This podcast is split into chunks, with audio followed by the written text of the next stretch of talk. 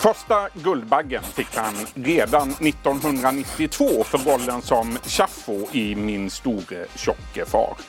2015 fick han en ny Guldbagge för den Oscars-nominerade filmen En man som heter Ove.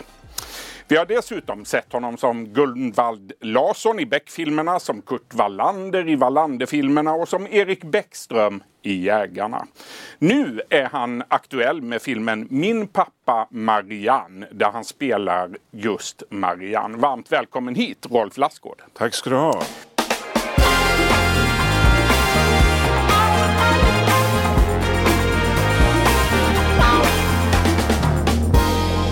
Ja du Rolf, hur viktig är den här filmen för dig?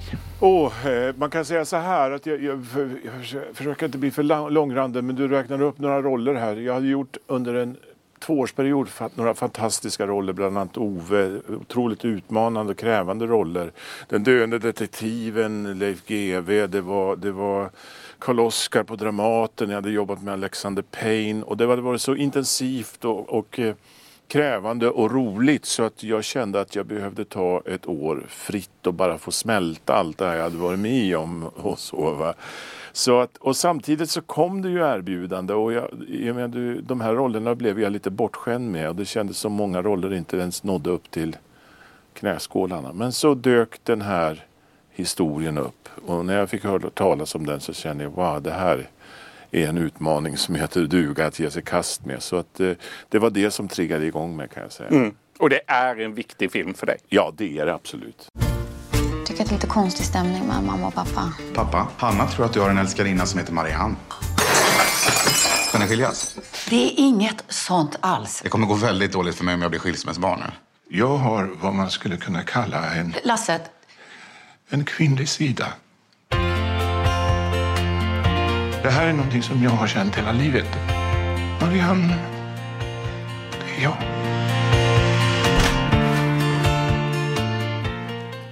Svenska Dagbladet skrev eh, nyligen att rollen som Marianne är din största utmaning i karriären. Stämmer det? Ja, det, det, är det att ta i det, det kanske? kanske är att ta i. Det, jag har haft många härliga utmaningar men det, det är absolut en, en riktigt stor utmaning. Det, ja. så är Vad var svårast då?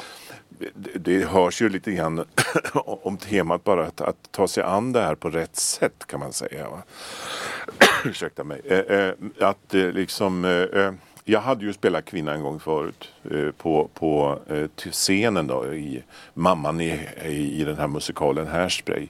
Och jag visste ju att det här fick ju inte alls bli på samma sätt. Det här, det här var inte eh, komedi. Filmen är en komedi men, men, men rollen Marianne handlar om någonting att ge, liksom med allvar och eh, respekt ge sig på det här. Så men du hade ändå nytta av att ha uppträtt som kvinna tidigare? Absolut hade jag det. Men det, men det är ju rent de mer fysiska då, att gå på höga klackar och sånt. Har du gång, mm. en gång liksom legat i hårdträning för det så är det som att lära sig cykla. Det sitter kvar lite grann i en. Va? Men, men uttrycken blev ju eh, på, på, ett helt annat sätt. Det här är ju mer en sårbarhet och att våga stå för, för det man är och sådana saker. Har du själv lärt dig någonting av den här historien? Alltså så är det ju egentligen med alla. Jag har, har, har ett privilegium att liksom kunna få gå in i andra människors verklighet och det lär man sig ständigt saker och ting utav. Och, och, och visst har jag lärt mig det, att våga öppna sig och visa sig sårbar. Det är ju någonting som vi alla människor är otroligt rädda för. Eh, men samtidigt när vi väl gör det så, så brukar det komma någonting gott ut. Utav. Finns det några likheter mellan Rolf Lassgård och Marianne? Eh, det finns nog inte jättemånga kanske men, men, men, men, men vissa finns det naturligtvis. Händer det att du vill vara någon annan? Det har nog hänt eh, under hela min uppväxt så har man velat, det tror jag jag har gemensamt med alla människor, att man liksom man, man, man liksom det där innan man bejakar sig själv på något sätt. Det tror jag vi har alla och som ju finns ett tema i det här, absolut. Hur såg dina drömmar ut när du växte upp? Oh, mina drömmar. Alltså det här med skådespeleri till exempel var inte ingen liksom konkret dröm från början. Men däremot att hålla på med teater var, var en, en, en otroligt häftig fritidssysselsättning som bara växte och växte tills jag kom till en punkt i 20-årsåldern. Jag spelade hockey och höll på med teater. Men teatern trumfade Det, hockey. det gjorde de till slut. Det gjorde den till slut. Och jag kom till upp till 20-årsåldern där någon gång och då, då kände jag liksom väldigt starkt inom mig att eh, om jag inte prövar det här så kommer jag ångra mig resten av livet. Så, och det blev att jag tog steget från lilla Östersund och gav mig söderut och, och sökte scenskolor. och Så.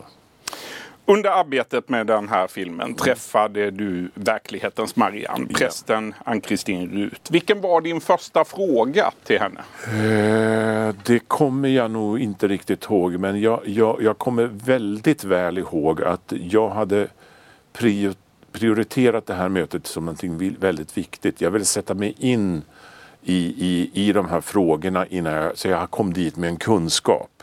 Jag ville att det mötet skulle handla om, om eh, eh, konkreta gestaltningsfrågor. Jag menar, det, det såg ganska fort när jag läste om andra transsexuella personer att till exempel den här promenaden ute på en gata bland allmänheten, alltså, det vill jag fråga om. Men jag åkte nog dit lite grann för att jag trodde jag skulle få ett facit. Och det första hon sa att jag, det var att jag är ingen expert på det här.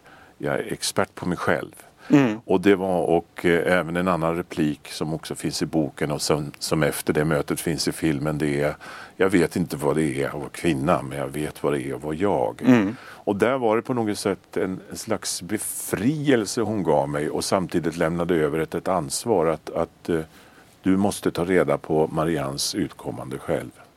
Hur jobbade du då med researchen för att... Dels var det att sätta sig in i själva ämnet. Jag läste både skönlitteratur, till exempel Fredrik Eklunds eh, Q. Det är ju mer, en- det är, det är en transvestit då, va? Eh, som, som, som gav mig en hel del. Ja, det finns en rad dokumentärer. Dock, som tur var, visste jag inte att det fanns en dokumentär om Mankestin. Vilket jag fick reda på under det här mötet. Så det var så mumma liksom, att åka hem sen. Och titta på den. Exakt. Och eh, eh, hon gav mig också andra nycklar till, till det här att det här var frågan om en, en process och en resa, vilket var en viktig nyckel att man inte behövde tänka. Vi höll till exempel på under den här perioden och funderade på ska hon ha peruk eller ska hon ska, jag använda mitt egna hår och hur ser vi det här? Men peruken har en viktig roll samtidigt men jag tycker det är bättre med mina egna hår. och Allt det där fram och tillbaka. Och så när hon sa ordet process så, så gav det många fina tankar att det här är ju ingenting som är färdigt som kommer ut utan det, är- det, är- det är en människa som prövar sig fram och, och plötsligt gick det att använda båda två. Så det, det, det, det blev en sån där viktig grej. Häftigt. Ja. Marians relation till dottern Hanna som Mm. spelas av Hedda Stiernstedt är inte alldeles enkel. Eh, hon har väldigt svårt att acceptera pappans Mm. kvinnliga identitet. Vad tänker du om det? Jag tycker att det, det är utgångspunkten som, som, som, som eh, för hela filmen är ju faktiskt att det, vi ser det här utifrån dotterns perspektiv. Vilket det gör, gör ju också att det går att göra komedi av det här. Aldrig av Marianne men, men om saker och ting runt. Va? Och, och eh, jag, jag tänker väldigt mycket, jag tycker Hedda eh, verkligen gestaltar det här på ett underbart sätt. Att, att, eh, alltså det är så lätt att ha de riktiga åsikterna. Men så plötsligt när du konfronterar, hon kämpar ju hela tiden med det, hon har ju rätt åsikter. Va? Men, men, men så, så konfronteras med att det är pappa som kommer hem och säger jag, jag, jag, hennes tryggaste Det famn. är enklare om det är grannen. Exakt, exakt. Och, och det, det tycker jag är väldigt fint i det hela. Du har eh, själv två vuxna döttrar och Ja. en eh, vuxen son. Så, ja. Hur skulle du beskriva er relation? Den är nog, jag beskriver den som väldigt bra. Eh, Jag, jag, jag skulle nog kunna beskriva den som att den kan likna lite grann den som Lasse och eh, eh, eh, em, Hanna har då när, när, när han man. Det är väldigt liksom... En ganska nära Ja, relation. En väldigt nära relation jag, med, alla tre på olika sätt. Så att, eh, det har jag nog funderat över. Liksom, om, om jag skulle komma hem så tror jag att det skulle... Ja. Det skulle tas emot på ett fint sätt. Ja, om inte det är helt automatiskt. Hur var du som pappa under barnens uppväxt då? Ja, det ska ju egentligen de svara på. Men, men, men, men eh, Man hör ofta om framgångsrika män Ja. som när de börjar bli lite äldre konstatera att nej, jag, är det någonting jag ångrar så är det nog att jag inte tillbringade tillräckligt med tid med barnen. Ja, och Är det, det tror jag nog att vi alla gör. Eh, eh, Det tror jag nog att vi alla gör. Och, och, och rent faktiskt så, så är jag en av dem. Men jag har hela tiden, jag skulle vilja uttrycka det så här, att jag har hela tiden eh, på ett sätt prioriterat, men, men hela mitt yrkesliv har jag egentligen varit väldigt mycket borta hemifrån i perioder då. Som jag sen har liksom tagit ledigt och varit hemma bara varit hemma då vissa perioder. Va? Så det är så jag, jag, jag åkte väl lite grann i den fällan och tyckte det lät väldigt tjusigt att det är inte kvantiteten som räknas, det är kvaliteten. Men, men, och det stämmer ju till viss Ja, absolut. del. Men, men, men, men samtidigt, det räcker inte riktigt. Alltså kvantiteten att bara finnas där också, i, det ligger ett värde i det. Så mycket har jag lärt mig. Vad ser du av dig själv hos dina barn idag då? Jo, jag, jag kan, kan vara stolt över deras sätt att... Eh, hur de är gentemot andra, hur de... Eh, eh, nu är det inte alltid att jag gör det, men, men jag ser hur de ställer upp för andra. Det finns ett, en empati och det finns allting sånt där. En humanistisk grundsyn. Och för något år sedan, då blev du morfar för första Exakt, gången. exakt. Hur stort var det för dig?